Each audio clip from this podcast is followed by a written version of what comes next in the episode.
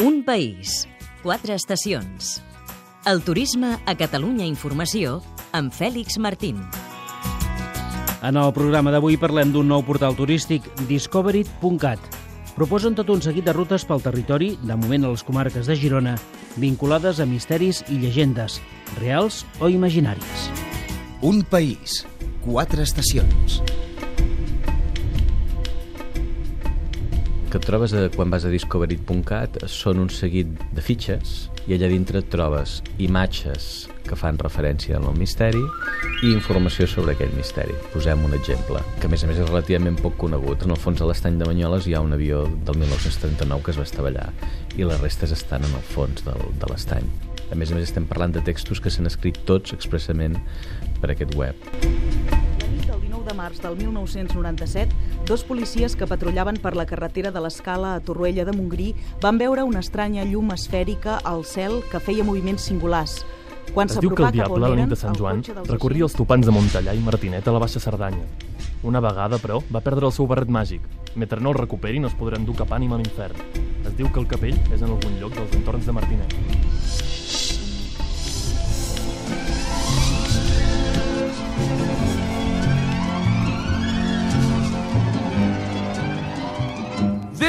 Magic moment.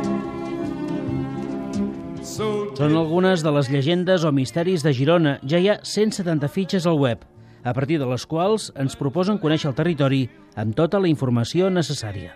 Això està pensat de manera que quan fas una visita a comarques gironines si et desplaces d'altres parts del territori català. Andreu Mas és el director general de Nautilus Comunicació i Cultura. Dues.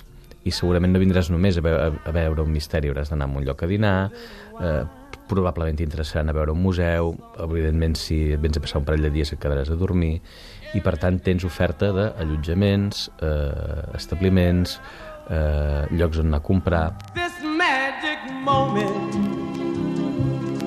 While your lips are close to mine, last forever. També es preveu programar una ruta pròpia amb un objectiu clar. promocionar un tipus de turisme que, que fins ara no, no existia.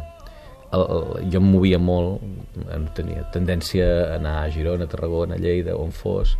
Moltes vegades he tret sota el reclam d'una fira. Però clar, quan ja has anat una vegada a una fira o quan les fires medievals veus que dues són les mateixes, tres ja et cansen i a la quarta ja n'hi vas, a vegades no trobes res que t'enganxi en el territori per anar-hi. I aleshores vam dir, hosti, si fóssim capaços de trobar alguna cosa que, a més a més, si vas en família et pugui permetre tu com a pare explicar als nanos, fer-los una mica màgic, no?, aquest cap de setmana.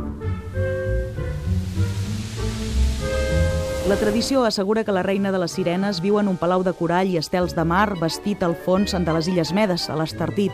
L'entrada a l'edifici fantàstic és en una cova amagada entre els penya-segats, però tan sols s'hi pot accedir mentre sonen les 12 campanades de la nit de Sant Joan.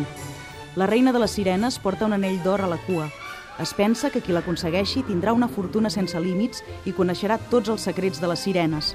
Es té notícia de gent que se'n va anar al teòric cau de les sirenes. Mai ningú no ha tornat per explicar-ho. Web discoverit.cat es pot consultar des de l'ordinador o una tauleta.